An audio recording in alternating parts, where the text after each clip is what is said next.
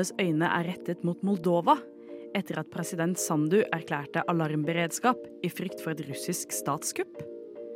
Det bor mange ulike mennesker i Singapore, og bystaten er derfor preget av både progressive og konservative meninger. Men hvordan preger denne uenigheten demokratiet? Og hvert år feirer vi kvinnedagen. Men hvordan har egentlig veien frem til likestillingen vært i dag?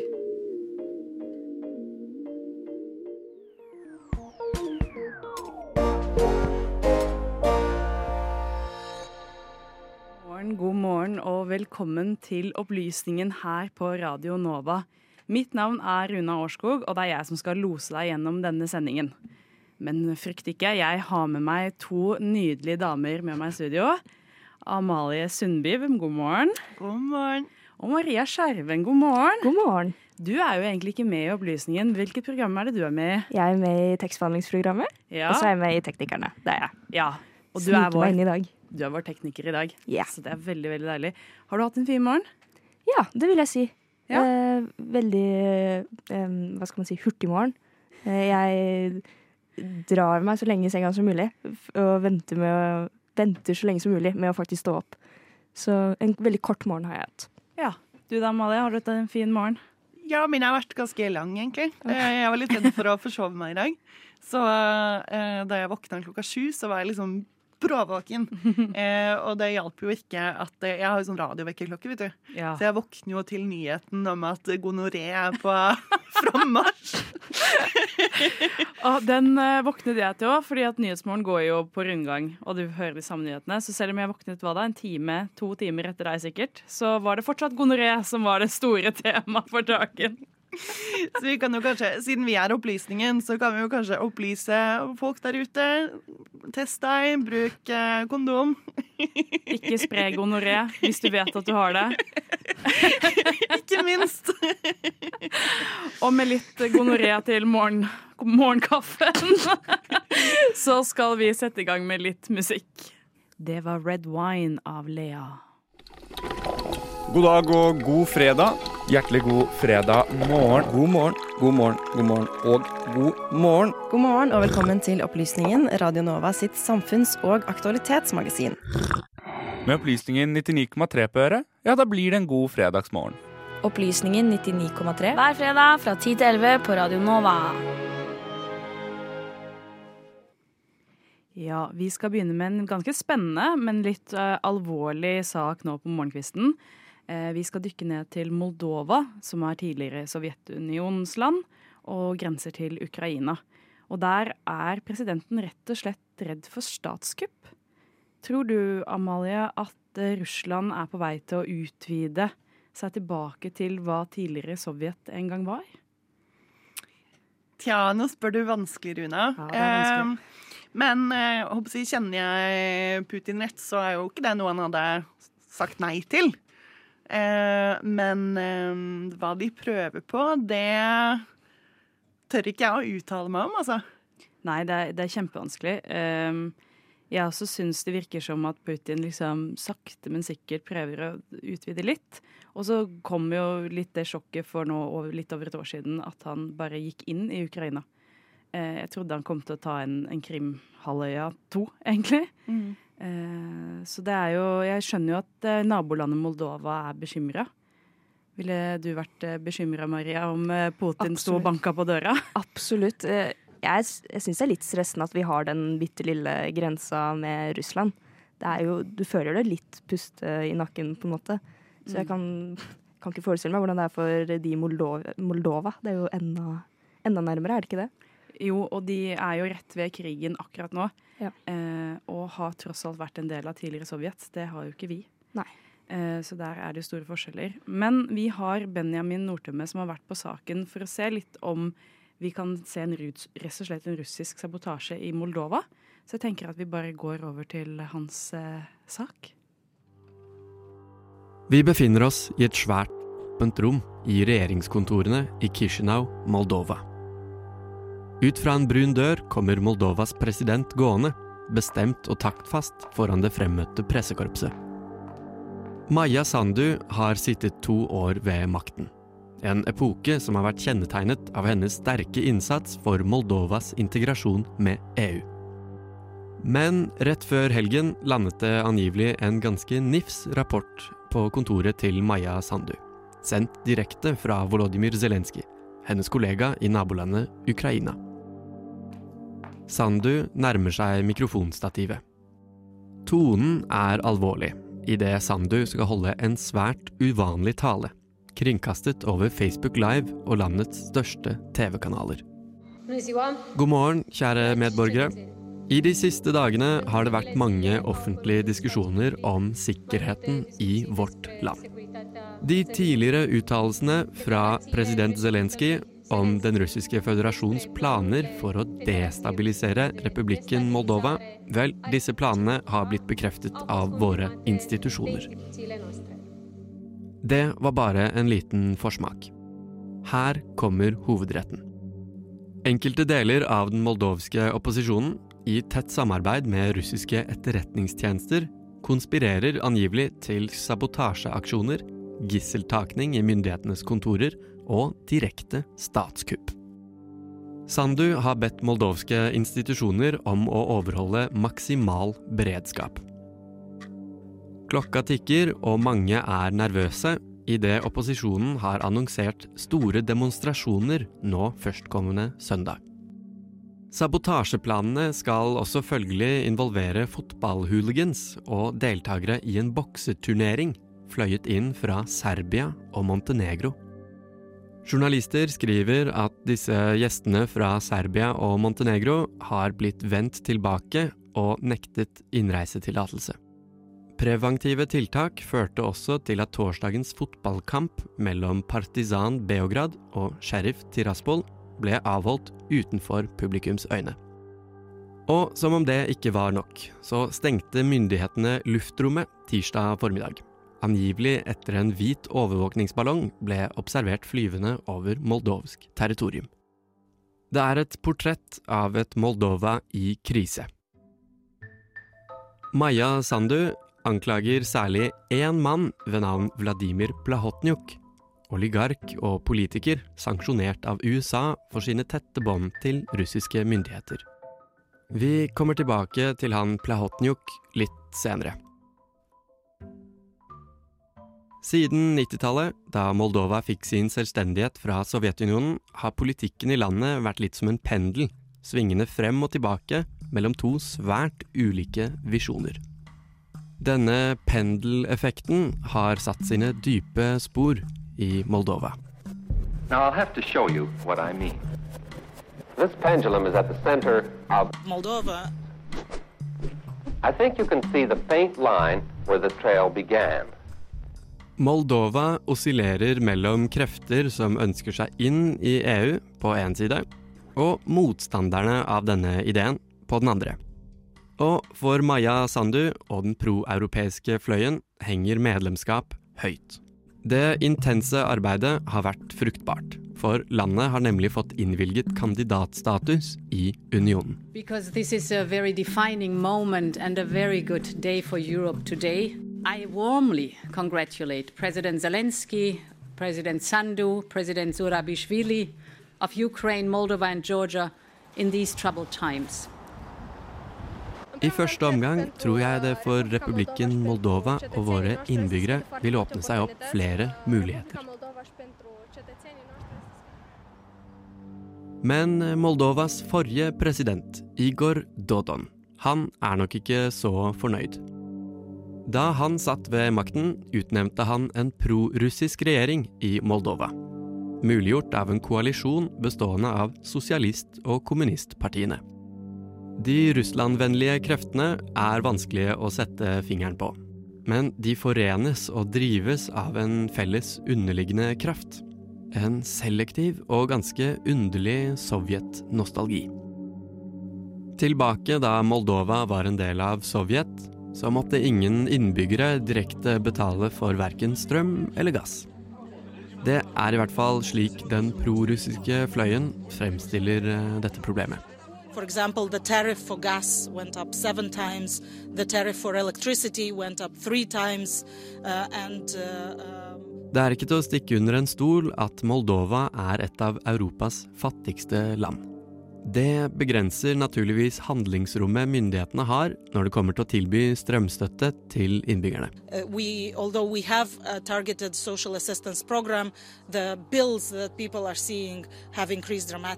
En hjelpepakke fra EU, særlig da Romania og Tyskland, har bedret situasjonen noe, men likevel ikke nok for å roe ned all misnøyen.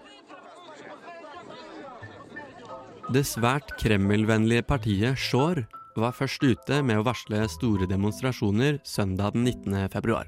De krever at myndighetene faktisk betaler alle innbyggernes strømregninger. Det er et krav som myndighetene i Moldova ikke har råd til. Flere eksperter mener det er ren taktikk. Er det slik at de prorussiske styrkene kan surfe på mer og mer misnøye nå fremover? Vel, det hele er en nedadgående spiral. We are seeing uh, elements of uh, hybrid war. Uh, we are seeing, uh, for example, uh, uh, pro Russian forces trying to destabilize the country politically through paid protests, which Shor-partiet bærer sitt navn etter Ilan Shore. I likhet med oligarken Vladimir Plahotnyuk, som jeg nevnte tidligere, er Ilan Shore under etterforskning for korrupsjon og tilknytning til russisk etterretning. Ifølge The Washington Post har Ilan Shor til og med fått kallenavnet Lillemann av Russlands etterretningstjeneste, FSB.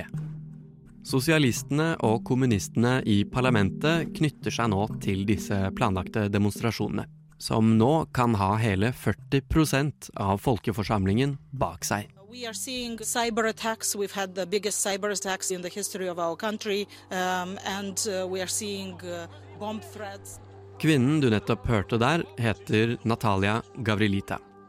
Du har hørt henne snakke gjennom hele reportasjen, fordi inntil nylig var hun landets statsminister. Hun har nå trukket seg, rett før helgen. Midt oppi kaoset har president Sandu måttet utnevne en ny regjering. Alles øyne er nå på Moldova, Maja Sandu og den nye statsministerkandidaten Dorin Recian. Moldova's president Maya Sandu has accused Moscow of plotting to overthrow her administration using foreign saboteurs disguised as protesters. Vil Moldova kunne renne over av små grønne menn, slik vi så i Krim og Donbas? I det som kan bli en svært betent og definerende helg i Moldova, skal nok også vi holde alarmberedskap. Reporter i denne saken var Benjamin Nordtømme. Det var Sliten eliten med langsiktige mål. Teknologi og digitalisering gjør at det vi ikke fikk til for noen år siden, det er mulig nå. At det å stadig vekk skulle balansere mellom frihet og ufrihet Det er ikke noe særlig lurt å stole på viljestyrken, f.eks. Kirkas demokratisystem. Opplysningen hver fredag fra klokken 10 til 11.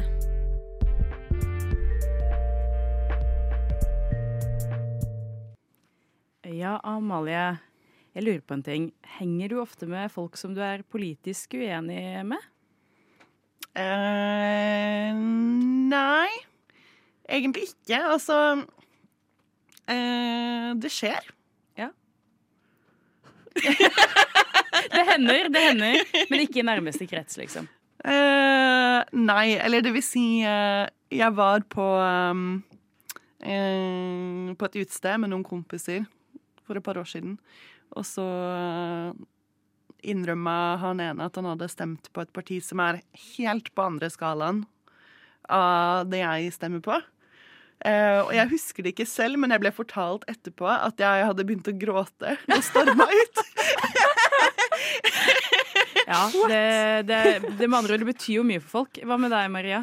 Um, jeg, heng, um, jeg har en venninne som har vært aktiv i et ungdomsparti jeg kanskje ikke selv hadde vært uh, aktiv i.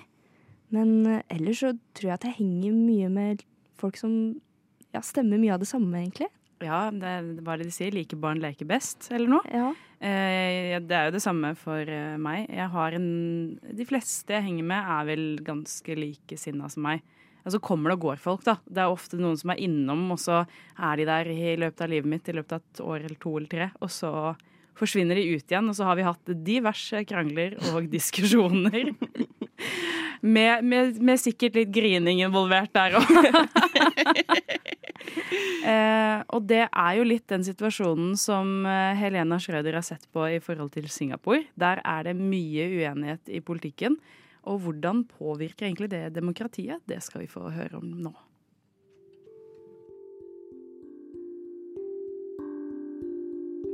Hva er egentlig Singapore? Et land? En by? Noen har fortalt meg at Singapore er hovedstaden til Malaysia, men det er feil. Singapore er en bystat som ligger sørøst for Malaysia. Singapore er i en særklasse, ettersom det ikke finnes så mange bystater i verden i dag. Med en befolkning på litt over fem millioner, så er Singapore faktisk helt lik befolkningstall som Norge. Arealet til Singapore er bare litt større enn hele Oslo. Da kan man tenke seg på hvor tett befolket Singapore faktisk er. Singapore er en republikk i Sørøst-Asia. Det er et flerkulturelt og flerspråklig samfunn, og menneskene som bor i Singapore, kommer fra forskjellige etniske, religiøse og nasjonale bakgrunner. Flertallet av befolkningen er bestående av kinesere, malaysiere og indere. Singapore har også fire offisielle språk engelsk, mandarin, malayisk og tamil. Singapore er en bystat med ikke så mange innfødte. Det er faktisk slik at over en fjerdedel av innbyggerne som er studenter og arbeidere i Singapore, bor der uten en permanent oppholdstillatelse. Bystaten ligger godt til ved sjøen og har en stor havn. Dermed har det også vært et veldig populært handelssted. Singapore var en engelsk koloni i 144 år og ble selvstendig fra britene i 1959. De ble da en del av Malaysia, men i 1965 ble de endelig helt selvstendige. Når man først tenker på Singapore, så vil man kanskje tenke på teknologi, business eller kanskje filmen Crazy Rich Asians. Men hvordan står det til der nede? Pga. at det bor så mange ulike mennesker i Singapore, så er landet deres også preget av både progressive og konservative meninger. Det er da vanskelig å skulle komme til enighet. Og blir demokratiet preget av dette? Fra en politisk vinkling er Singapore en demokratisk republikk, men i praksis har bystaten autoritære og udemokratiske trekk. Den utøvende makten ligger hos regjeringen og statsministeren, og siden 1959 har det bare vært tre statsministre, og alle de har vært leder for det samme partiet, The People's Action Party. Singapore har også en president som er statens overhode, men presidenten har relativt lite makt i forhold til statsministeren og regjeringen. Til tross for den sammensatte befolkningen og den udemokratiske regjeringen er landet velfungerende og fredelig. Men fordi bystaten har en så divers befolkning, så har jo Singapore sine konservative meninger. På den ene siden har Singapore et svært konservativt syn på narkotika. De er veldig strenge med narkotikapolitikken, og man kan risikere dødsstraff hvis de ser en grunn til at man har enten oppbevart det, brukt det eller solgt det. Dødsstraff er ikke så vanlige i utviklede land, men Singapore er et av de få som har det. Det blir ikke brukt så ofte, men i 2022 ble elleve mennesker henrettet. Men Singapore har også sine progressive framskritt. I 2017 fikk Singapore sin første kvinnelige president, Halima Jakob.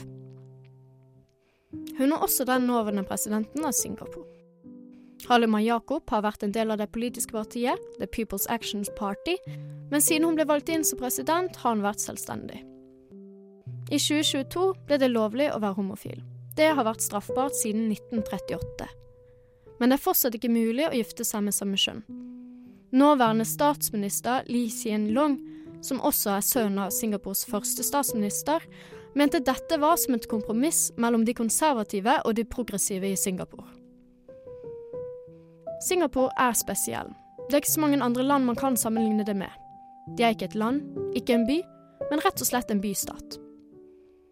Med tanke på deres fremskritt de siste fem årene, at de har fått en ny kvinnelig president, og homofili er ikke lenger straffelig, så kan man tenke seg at de er på vei til å bli et enda mer liberalt samfunn. Dette har med at befolkningen deres ser ut til å bli mer og mer progressive. Så det ser ut som at de er på riktig vei. Reporter i denne saken var Helena Schrøder. Det var evig ferie med Dom sang om forelskelse.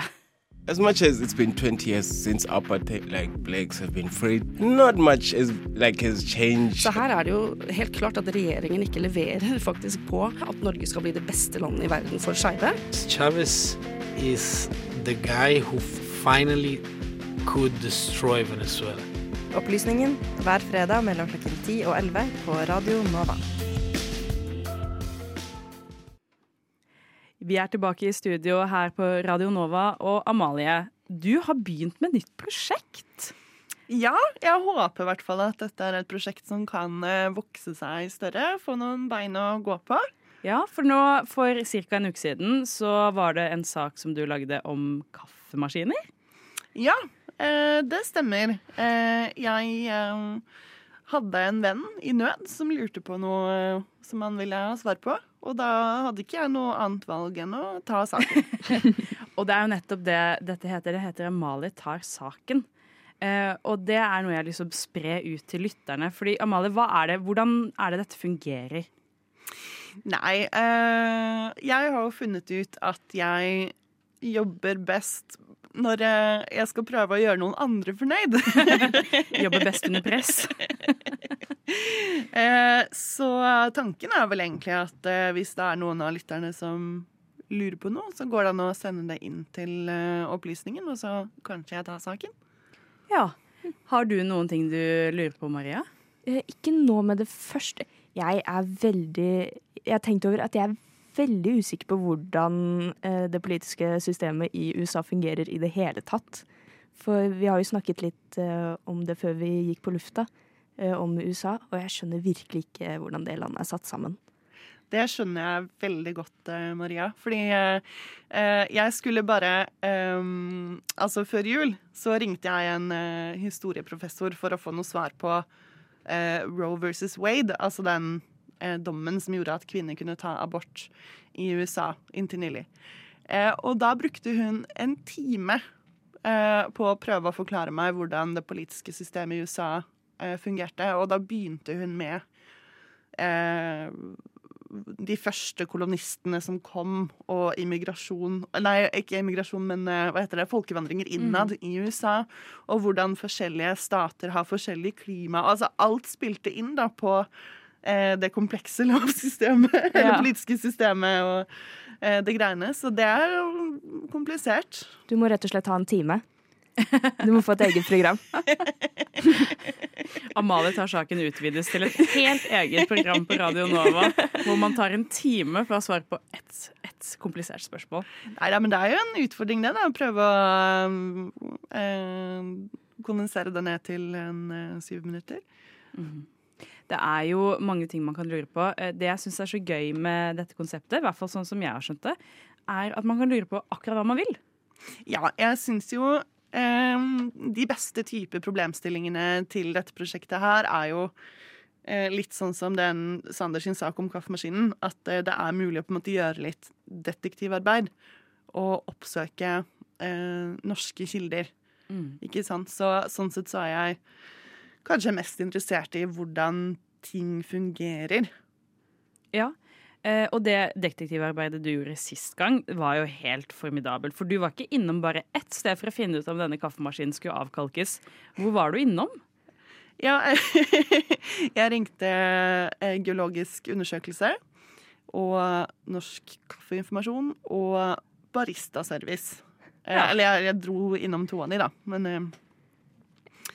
det var, det var, helt Jeg eh, vet ikke om du har hørt saken, Marianne? Jeg, jeg visste ikke at det fantes engang norsk kaffeinformasjon. Nei, ikke sant? Amalie fikk da i oppdrag eh, å finne ut hvorfor sier kaffemaskinen til Sander at den skal avkalkes hele tiden. Mm. Eh, og så tenkte jo jeg at hun kom til å google dette, finne et Google-søk eh, leste litt opp på det og lage en sak. Og så hører jeg gjennom saken, og så har du vært innom tre steder for å liksom gå virkelig hardt til verks om hvordan denne kaffemaskinen fungerer, og hvorfor den skal avkalkes, og om den må avkalkes i Norge i det hele tatt. Det var, jeg var helt imponert.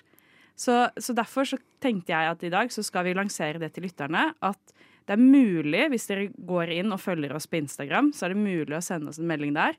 Hvis dere har noe rart dere lurer på, så sitter Amalie parat til å ta saken. Det er ikke sikkert det kommer i neste sending, eller det sendingen etter det, men etter hvert så får vi denne spalten opp og gå, og da blir så, jeg er så spent. Plutselig så får du svar på ting du ikke visste at du lurte på engang. Ja, jeg håper virkelig at eh, noen eh, sender noe inn, altså. Eh, for det, det er jo litt sånn Med kreativitet så blomstrer den eh, best innenfor eh, rammer, ikke sant? Så det å få et oppdrag, det syns jeg eh, gir meg mye inspirasjon. Ja, så da kan vi egentlig bare oppfordre alle lytterne der hjemme. Ta opp mobiltelefonen, gå inn og følg opplysningen på Instagram. Og så sender dere oss en melding hvis det er noe dere lurer på. Om det handler om kaffemaskiner, eller om systemet i statene, eller om norsk politikk, eller hva som helst. Eller om hvorfor skor vi hesten, f.eks. Det er bare å kjøre på med det mest kreative du kommer på.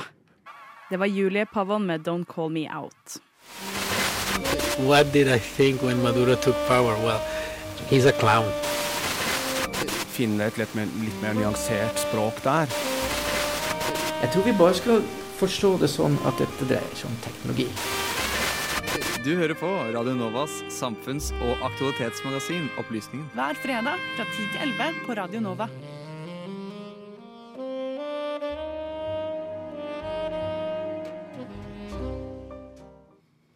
Ja, velkommen tilbake. Eh, Maria? Ja, ja. her er jeg. Pleier du å gå i 8. mars-toget? Eh, første gang i fjor, faktisk. Ja. ja. Første gang i Oslo, eller første gang noen gang? Første gang noen gang. Ja. Eh, og det var jo da i Oslo, da. Vi har ikke det der eh, jeg kommer fra. Nei. Nei. Hva med deg, Amalie? Mm, jeg lurer på om jeg kanskje bare har gjort det én gang. Men jeg er litt usikker. Jeg har liksom vokst opp i en sånn familie hvor vi går mye i tog. Jeg gikk i hvert fall i 1. mai-toget eh, hvert år da jeg var liten. Men nå ble jeg også usikker på om det var 8. mars-tog i Moss der jeg vokste opp.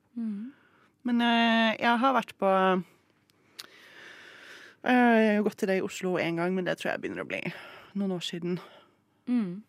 Det er jo ikke så innmari lenge til. Er under en måned til så er det 8. mars igjen. Og da skal gatene samles, eh, fylles med både kvinner og menn. Syns eh, du, Amalie, at vi har liksom kommet dit vi skal være når det kommer til likestilling? Nei. eh, jeg syns jo ikke det. Eh, selvfølgelig så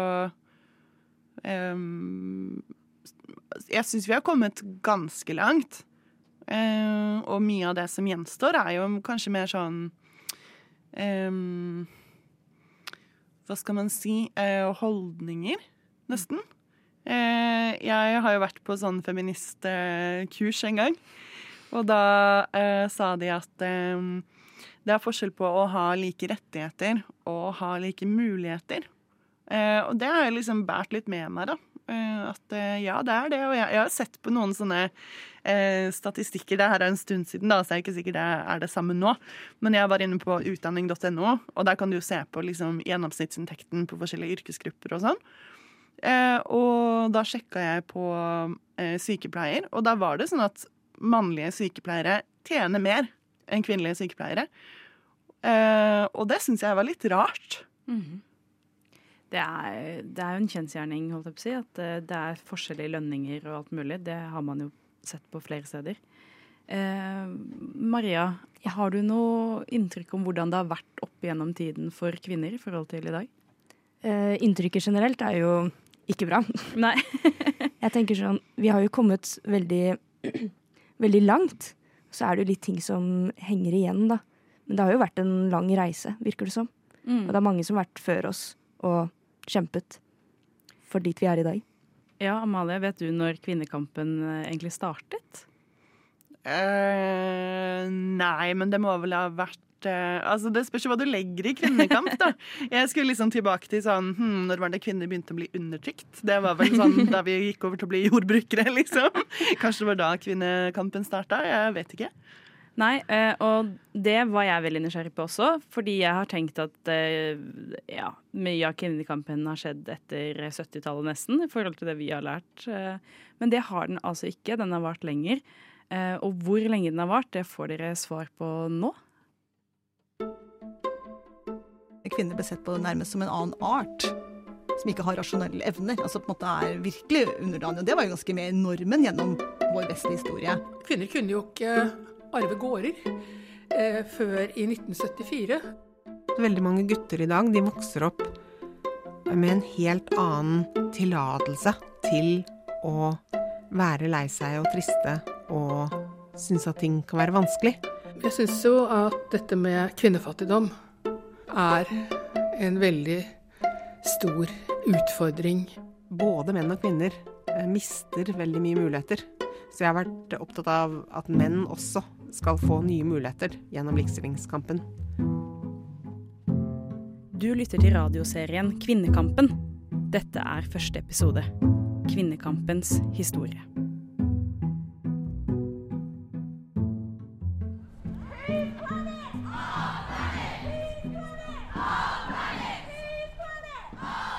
Det pågår jo noen kamper akkurat nå. I hvert fall tre ting som nok eh, er brennbare.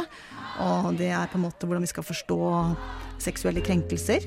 Eh, hva slags type samtykkelovgivning skal vi ha i forhold til voldtekt.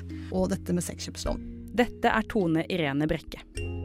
Hun er førstelektor på Senter for tverrfaglig kjønnsforskning ved Universitetet i Oslo. Hun har takket ja til å delta i denne serien, og i dag skal hun hjelpe oss gjennom kvinnekampens historie. Det er opplysningstid. Og tanken om at alle mennesker er født frie og like, begynner å slå røtter. På denne tiden var disse tankene om likhet forbeholdt rike menn som eide jord. Kvinnene på denne tiden hadde nesten ingen rettigheter. Og i den grad slike radikale ideer nådde Norge på denne tiden, så ble de sett på som forvillede ideer fra sør. Økonomisk frihet, utdanning og til og med evnen til å tenke rasjonelt var forbeholdt menn. Jeg tror at I noen tilfeller så har det vært verre enn det man gir uttrykk for. At man, kvinner ble sett på nærmest som en annen art. Som ikke har rasjonelle evner. Altså på en måte er virkelig underdanig. Og det var jo ganske mer normen gjennom vår vestlige historie enn, enn det vi har fått i den senere tid. Så sånn, hvis man tenker sånn historisk, så har det jo vært uh, verre. Men ideen fra opplysningstiden hadde begynt å få rotfeste. Og utover 1800-tallet begynte kvinner å kreve sin rett. Men kampen for å bl.a. ta utdanning, eie jord eller ha rett til autonomi over egen kropp, var ingen lett kamp å kjempe. Spesielt ikke når kvinner samtidig ble sett på som irrasjonelle. Kvinners plass var nemlig ikke blant de akademiske elitene. Hun skulle heller utfylle mannens rasjonelle, tenkende side, med omsorg og følelser. Men vi er jo veldig i Vesten veldig opptatt av denne opplysningsmåten å tenke historie på at alt utvikler seg framover, oppover og blir bedre.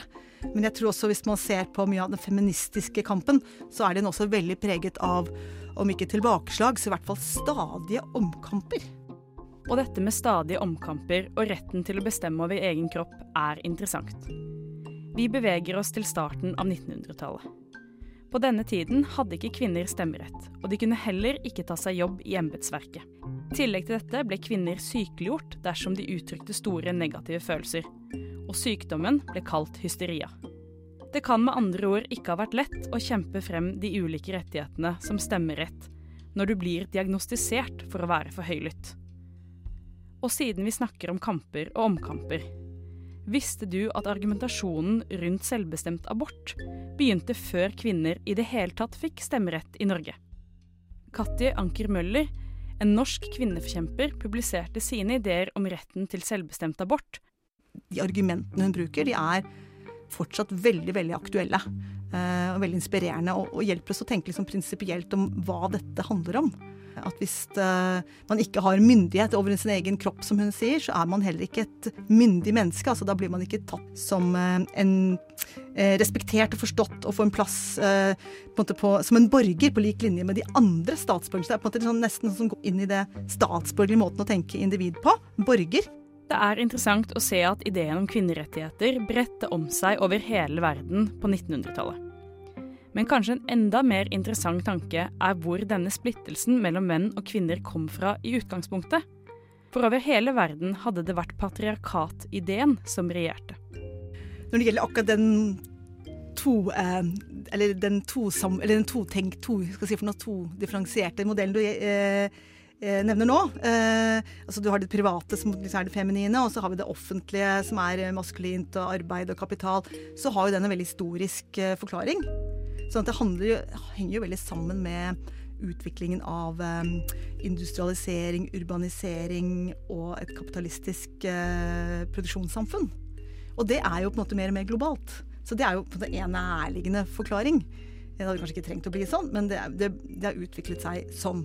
Så det er én forklaring. Men du kan si at det er jo mange eh, antropologer og andre også som har stilt eh, spørsmål om hvorfor eh, i andre måter å organisere måte, samfunn og produksjon på, så har det også vært, eh, måte, det har vært patriarkalsk. da. Hvorfor har det vært det? Det man ofte har pekt på, at det har en sammenheng med hvilke produksjonsformer man verdsetter. Altså nettopp det at eh, omsorgsarbeid, ja det er viktig, men det har ikke hatt den samme statusen. Hva som anerkjennes som kvinnelig, og hvilken verdi dette skal ha i samfunnet, diskuteres i stor grad fortsatt. Selv innad i kvinnebevegelsen er det stor uenighet om hva som skaper den mest rettferdige og likestilte verden. Det er flere saker som kan trekkes frem der ulike organisasjoner og partier er svært uenige om hva som er feministisk. Burde prostitusjon bli lovlig fordi alle kvinner skal kunne bestemme over egen kropp? Eller er prostitusjon i seg selv undertrykkende? Er det rettferdig å fordele mamma- og pappapermisjonen likt? Eller skal det være opp til hver enkelt familie å bestemme? Så hvordan skal vi diskutere rettferdighet i likestillingskampen når vi er uenige om hva som er rettferdig? Ja, det er jo, Jeg kan jo da f.eks. lene meg på en veldig kjent eh, amerikansk politisk eh, filosof, nemlig Nancy Fraser, som har hjulpet oss litt til å tenke på dette. Og hun er jo kjent for å ha sagt at eh, et rettferdighet Vi kan ikke ha ett endimensjonalt rettferdighetsbegrep. Vi må tenke rettferdighet som bestående av ulike dimensjoner. Så ja, rettferdighet handler om representasjon, sånn som vi ofte tenker. Hvor mange er elever er det der? Hvor mange jenter er det der? Hvordan er det nå i Stortinget vårt? Eh, Hvor mange kvinnelige ledere har vi? Videre. altså den måten vi ofte tenker likestilling på i media. Men, eh, og selvfølgelig rett til å bli representert. Men likestilling handler også om anerkjennelse. Og det ser vi jo veldig sterkt i dag, med en sånn identitetskamp. Og det er nødvendig, sier hun. Også hele borgerrettsbevegelsen har jo vært basert på det. Men så er det en tredje dimensjon som ofte blir glemt. Og stadig mer, mener hun, og det er hele omfordelingsproblematikken. At uten en, en omfordeling av ressurser, og hvordan vi verdsetter det, og hvordan vi tenker om produksjon, og ikke minst om reproduksjon. Og da mener jeg ikke bare abortrettigheter, selvfølgelig. Da mener jeg også hvordan tar vi oss av på en måte omsorgsarbeidet. Både når det gjelder barn, og når det gjelder eldre. At det må også inn i den rettferdighetstanken. Og da ser vi jo i dag at det er jo en stor debatt i Norge akkurat nå. Vi er nå tilbake i moderne tid. På gata i dag kan du se menn som triller barnevogner, og kvinner som haster av sted til møter.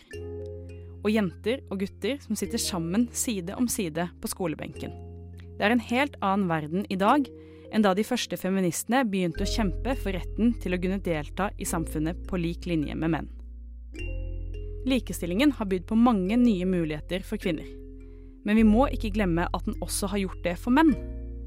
For samtidig som kvinner har kommet langt i arbeidslivet, så har menn fått muligheten til å utfolde seg på helt nye måter, og ikke minst ta del i omsorgsarbeidet. Men hvordan har egentlig feminismen påvirket mannens liv og hverdag? Det skal du få høre mer om i neste episode av Kvinnekampen. Reporter i denne saken var Runa Årskog. Det var 'Mannen over vasken' av Pappasaft. Nei, men Bertil, da! Ja? Har du glemt å høre den siste episoden av Opplysningen på Radio Nova? Har nok det. Men da kan du jo bare høre det som podkast når du vil. Å, det skal jeg jammen meg gjøre! Ja, da er vi kommet til eh, slutten, dere. Eh, Men før det så er jeg veldig nysgjerrig på om dere skal gjøre noe morsomt i helga. Amalie, skal du noe gøy? Eh, jeg skal eh, ta et par, øl med søsteren min i dag, i hvert fall. Ja. Så uh, får vi se hva som skjer resten av helga. Blir nok litt uh, strikking. ja, ikke sant. Hva med deg, Maria? Jeg skal på Fest for nye her på Radio Nova på lørdag. Gleder meg. De beste festene er på Radio Nova. og så skal jeg jobbe en del. Så for alle dere som er nye og lytter til opplysningen akkurat nå, så får dere glede dere til lørdagen. Mm. Det blir bra. Du da? Ja, nei, jeg eh, skal vel hit, tipper jeg, i kveld. Fordi at jeg sitter med, en, eh, med noe som jeg har lyst til å jobbe litt mer med. Eh, Men i morgen så er jeg invitert til bursdag. Så enten så blir bursdagen et godt vors før fest for nye, eller så blir bursdagen bursdag. Vi får se hvor kvelden tar meg, rett og slett. Em, ja, og utenom det så er det ikke så mye mer som skjer. Det kommer jo da studentnyhetene et- etter oss. Eh, og de skal snakke om eh, student- eller studiebarometeret. For der har man funnet ut at eh, de er litt mer misfornøyde nå enn de har vært før. Studentene. Og hva dette kommer av, det skal dere få høre veldig snart. Eh, medvirkende i denne sendingen det har vært eh, Benjamin Nordtømme, Helena Schrøder og Runa Årskog. Og med meg i studiet så har jeg hatt Amalie Sundby og Maria Skjerven. Eh, og så er det meg, da, Runa Årskog, som har ledet dere gjennom eh, sendingen. Og da er det vel egentlig bare å si god helg. God helg. God helg.